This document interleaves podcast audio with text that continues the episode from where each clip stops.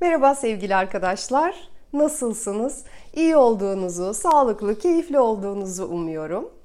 Ben Suzan Mutlu, kadınlarla çalışan bir yaşam koçuyum ve kadının kendi dünyasına daha farkındalıkla bakabilmesi için destek olmaya çalışıyorum. Geçen haftaki videomda dişil eril prensiplerden bahsetmiştim. Ve bu videoda da dişil tarafın daha çok ortaya çıkabilmesi için yapabileceklerimizden bahsetmek istiyorum.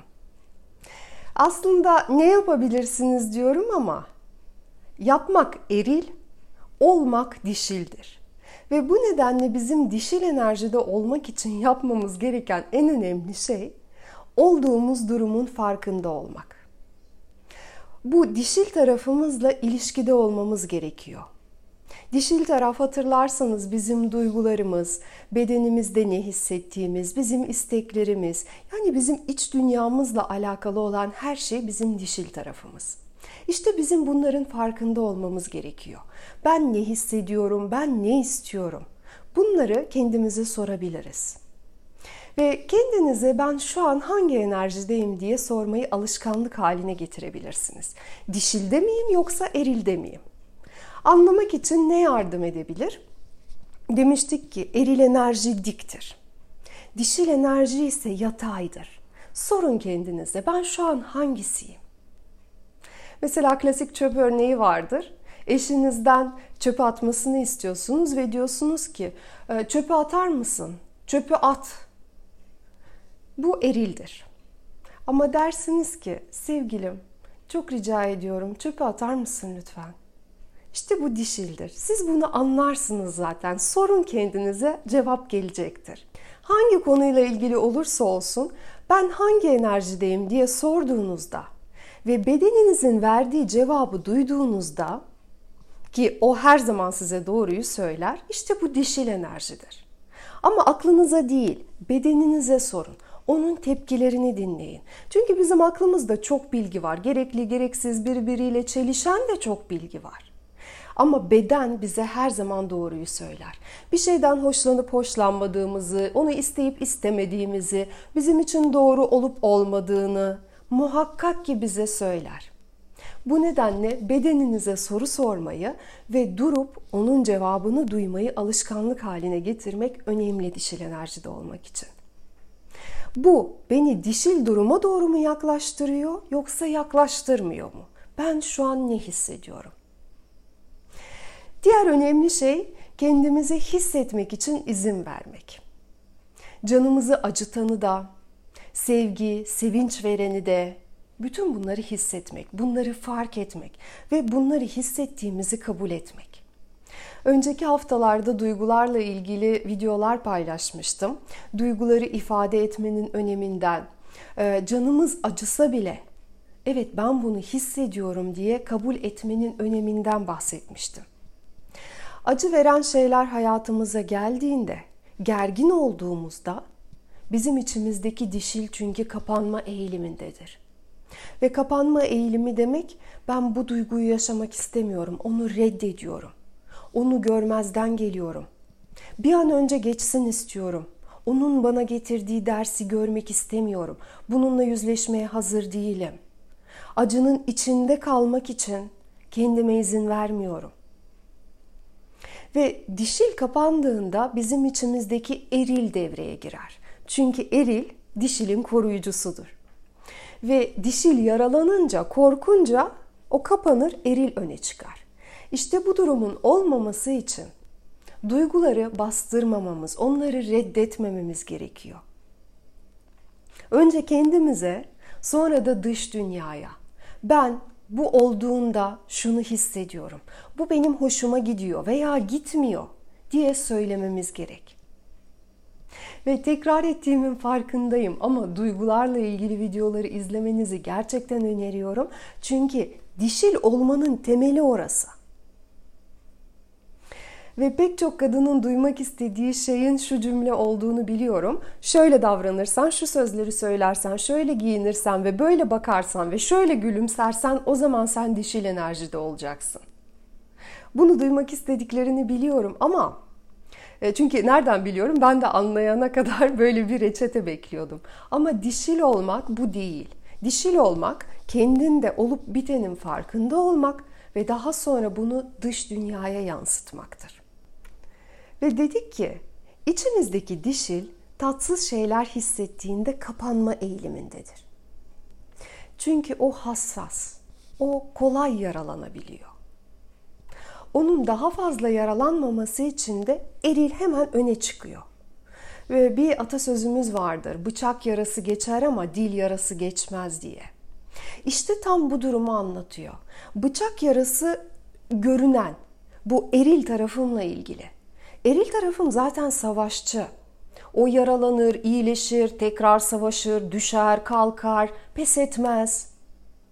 Ama dil yarası gönlümü yaralamıştır. O dişil tarafı yaralamış. Görünmeyeni ama var olanı.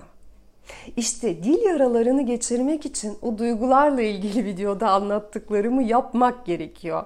Buna rağmen ben yine mutlu olabilirim. Yine kalbimi sevgiyle açabilirim diyebilmek. Çünkü yapmazsam dişil tarafım kapanır. Ve eril de onun koruyucusu olarak hep önde durur. Ben hep eril tarafımla iletişim kurarım. Şöyle bir örnekten yola çıkacak olursak diyelim ki hayatımızdaki erkek bize bir şey söyledi ve bizi yaraladı. Dişil durumda kalmak istiyorsak durup kendimize soracağız. Ben şu an ne hissediyorum? Ama bizim genellikle yaptığımız ne? O erkekle tartışmaya girmek. Sen ne cüret böyle bir şey yapabilirsin? Nasıl böyle bir şey söyleyebilirsin? Ben kadın olarak gönlümün ne hissettiğiyle ilgilenmedim. Gönlümü kapattım ve kişiliğimin eril tarafıyla yaklaşıyorum bu olayda. Ve eril, eril için her zaman rakiptir ve her zaman düşmandır. Ve bu anda karşı karşıya gelen erkek bedeninde bir erkek ve kadın bedeninde bir erkektir. Ne yapmamız gerekiyor? İçimdeki dişil tarafın neye ihtiyacı var? Onun şu an beklentisi ne? O ne hissediyor acaba? Sorun kendinize. Cevap gelecek. Her ne kadar tuhaf ve imkansız bile gelse bu soruları sorduğunuzda cevap gelecek. Bunu hiçbir zaman yapmamışsanız bile gelecek. Durun ve dinleyin sadece. Güvenin. Sorun kendinize. Nasıl dişil olacağız diyen arkadaşlar sürekli zihinsel bir metot bekliyorlar. E, zihinlerinde bir şeyleri oturtmaya çalışıyorlar. Ama zihinde kalırsak hiç dişil duruma geçemeyeceğiz. Çünkü zihinle alakalı değil dişil. Dişil de olmak her daim her durumda ben ne hissediyorum, ben ne istiyorum diye kendimize sormak ve cevabı duymaktır. Bunları yapmayıp başka bir takım metotlar beklerseniz hiçbir zaman dişilde olamayacaksınız. Ancak biz bunu yapmaya alıştıktan sonra diğer bir takım dişil enerjiyi geliştirme pratikleri, bir takım ritüelleri katabiliriz hayatımıza. Ama bu durumu yapmadan, kendimizi dinlemeden sadece ritüel yaparsak, sadece bir takım metotları gerçekleştirmeye çalışırsak yıllarca yaparız ama hiçbir faydası olmaz. İşte çok kitap okuyorum ama hala hayatımda bir değişiklik olmadı dediğimiz durum budur. Zihinde kalıyoruz ve bedene inmiyor bu öğrendiklerimiz. Ve kendimize soruyu sorduktan sonra hissettiğimiz şey bizi rahatsız ediyorsa, dış dünyaya karşı kendimizi kapatmamıza neden oluyorsa bunu bizim ifade etmemiz gerekiyor. Eğer bize e, tatsız hissettireni içimizde tutarsak bu da bizim dişil doğamıza karşı gelmektir. Dişil özümüzü kapatmaktır kendimizi kapatıyoruz. Ve dişil tarafımız duygusal durumunu yönetebilir. Gelişmiş dişil budur. Duygusal durumu yönetebilme becerisi. Duygusal zeka. İçimizdeki kadının cevabı neden önemli? Evet hayatımızdaki erkek bize hoş olmayan bir şey söyledi. Ancak bunu söylemiş olmasına rağmen benim içimdeki kadın bunu hiç umursamamış olabilir. O kendisini gayet iyi hissediyor olabilir. Kendi hayatının tadını çıkartmaya devam ediyor olabilir. Gördüğü harika manzaranın, giydiği ve çok güzel hissettiren o elbisesinin tadını çıkartıyordur. O kendisini harika hissediyor olabilir. Ancak içimdeki eril konuşmak istiyor olabilir. Yanımdaki erile Ya ben sana söylemedim mi? Şuradan bizim sola dönmemiz gerekiyordu demek istiyor olabilir. Ki böyle bir anda aslında ben sadece egomu eğlendiriyorumdur. Eril tarafım haklı olduğunu, daha akıllı olduğunu göstermek istiyordur. Böyle bir durumda ise dişil kalabilen sakince duruma teslim olur, kendini bırakır. Ama onun bıraktığı kendi dişil tarafı değil, eril tarafıdır. Benim dişil tarafım yanımdaki eril yolu bulamıyor diye yaralanmaz. Ama tabii ki onu yaralayan şeyler de var. Mesela erilin hiç iltifat etmemesi, değersizleştirmesi, küçümsemesi benim içimdeki dişili yaralar. Biz kadınların ne yazık ki erkeklere göre daha düşük bir öz değeri vardır. Genel budur. Ve bir de bir erkek tarafından daha da değersizleştirildiği zaman içimizdeki kadın o kapanır. Onun canı acır. Ve canını acıtan şeyi dış dünyayla konuşmak istemez. Veya e, canını acıtan o insandan kalben uzaklaşmaya baş, başlar. Ayrılır ondan kalben. Fakat bu durumda dur diyebilmek çok önemli. Bu senin yaptığın şey benim canımı acıtıyor. Bu benim için çok değerli ve sen onu değersizleştiriyorsun. İşte bunu söyleyebilmek bizim içimizdeki dış, dişilin ortaya çıkmasıdır. Bizim bunu söylemeye korkmamamız gerekiyor. Bunu yaptığımızda biz dişildeyiz. Bu dünya zaten yeterince eril. Fakat şimdi artık bizim dönemimizde dişil enerji de açığa çıkmaya başladı. Kadın açılmak için kendine izin vermeye başladı. Ee, henüz bunu yapamayan kadınlar da hissetmek için, kendilerine izin vermeye, içlerindeki dişili yaralayan noktaları fark etmeye, buna bir dur demeye alışmalılar. Susmak değil, kapanmak değil, dramalar, skandallar yaratmak değil, suçlamak değil. Bunlar yerine açıkça duyguları konuşmak. Ve hiç kimsenin bizi kapatmasına izin vermemek. Çünkü kaba benzetmiştik. Kapalı kadın kapalı kaptır. O tat ve keyif alamadığı için zaten enerjiyle dolamaz. Enerjiyle dolamadığı için hiçbir şey de veremez. Ve bu kadın şu anda burada değil. O eril enerjide bir şeylere ulaşmaya çalışıyor. İçimizdeki dişilin canı acıdığında, kapandığında o kapalı bir çiçek gibi. Kalbini açtığındaysa dünyaya kendi taşıdığı o bütün güzellikleri gösteren harika, büyük, muazzam açılmış bir çiçek gibidir. Ve çok büyük bir yanılgı daha. Kadının kendisini açabilmesi için hayatına bir erkeğin gelmesini beklemesi. Hiç unutmam bir tanıdığım demişti ki ee, ben de artık hayatıma birinin girmesini ve mutlu olmayı çok istiyorum. Çok çok büyük bir yanılgı. Bizim mutlu olmamız bizden başka hiç kimse tarafından sağlanabilecek bir durum değil. Evet erkek az çok bir takım koşullar sağlayabilir e, bizim kendimizi güvende hissedebilmemiz için. Ancak kalbi kapalı olan kadının açılmasını bir erkek sağlayamaz. Erkek zaten bu derece yaralı ve kendi yaralarını saramayan kadını daha da çok yaralamaktan korktuğu için ondan uzak durur. Bilinç dışı şekilde uzak durur. İçimizdeki dişilin rahatlığını sağlamak bizim kendi işimiz. Bir destek gerekiyorsa erilden önce bu bizim içimizdeki erilin desteği olmalı. Ve biz kendimiz mutlu olmayı başardığımızda diğer eriller de bunun için çalışacaktır. Evren de etrafımızdaki diğer insanlar da bu durumu desteklemeye başlayacaklar. Eğer ben kendi içimdeki dişille ilgilenmeye başlarsam, bu dişil benim için en değerliyse, eğer ben kaynağın o olduğunun farkındaysam, işte o zaman bütün evren bana böyle davranmaya başlar. Bizim genel sorunumuz şu ki biz kendimize değerliymiş gibi davranmadan dışarısının bize öyle davranmasını bekliyoruz. İşte fedakarlık örneği burada tipik örnek. Ben onun için kendimi feda ettim ama o bunun kıymetini bilmedi. E ama sen kendi kıymetini bilmedin. O da senin yaptığının aynısını yaptı. O da bilmedi senin kıymetini. Bunda şaşılacak ne var? Bunu anlamamız gerekiyor. Ve bir önceki videoda dedik ki bizim içimizdeki dişil zaten doğuşumuzla var. Biz onu yoktan var etmiyoruz. Bizim hislerimiz, duygularımız, iç dünyamız var olarak doğuyoruz. Ve büyürken darbeler alıyoruz. Kalbimiz kırılıyor, yaralanıyoruz ve bu dişil tarafı kapatıyoruz.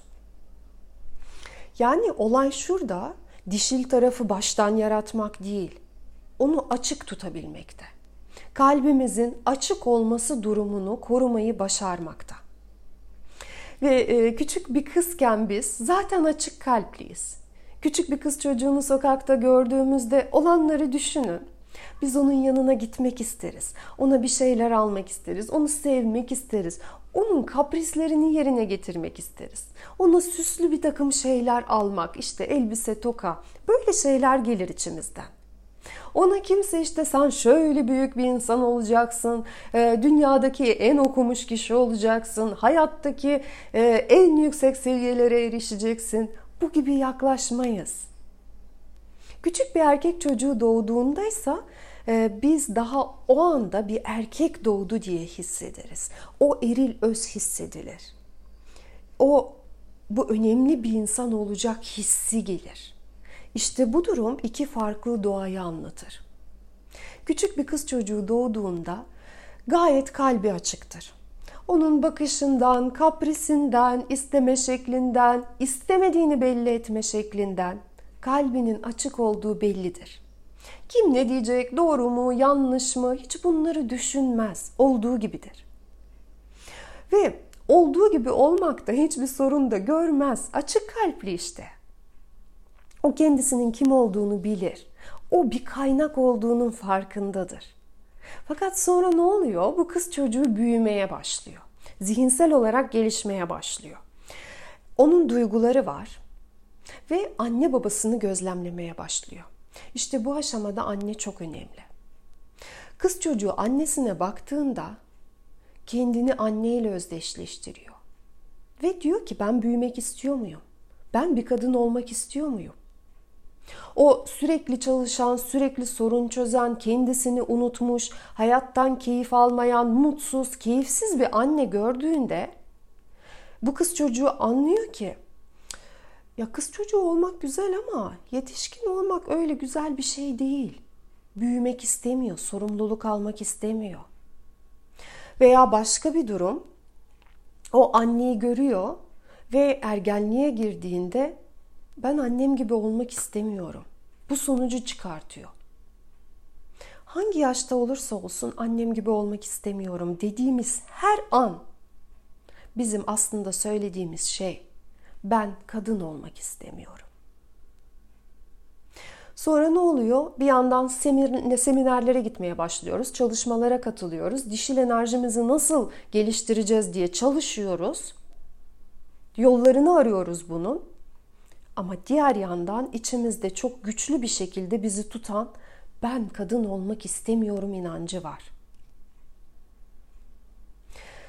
Ve kadın olmak, anne olmak, eş olmak durumlarını biz hiyerarşik olarak dizecek olursak sağlıklı hiyerarşi ben kadınım.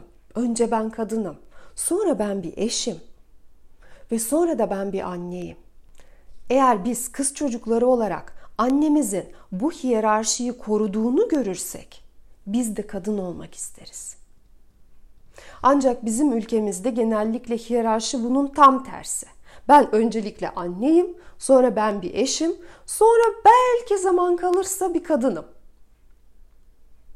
Ve biz de annemizde bunu görüyoruz ve kadın olmayı önemsemiyoruz.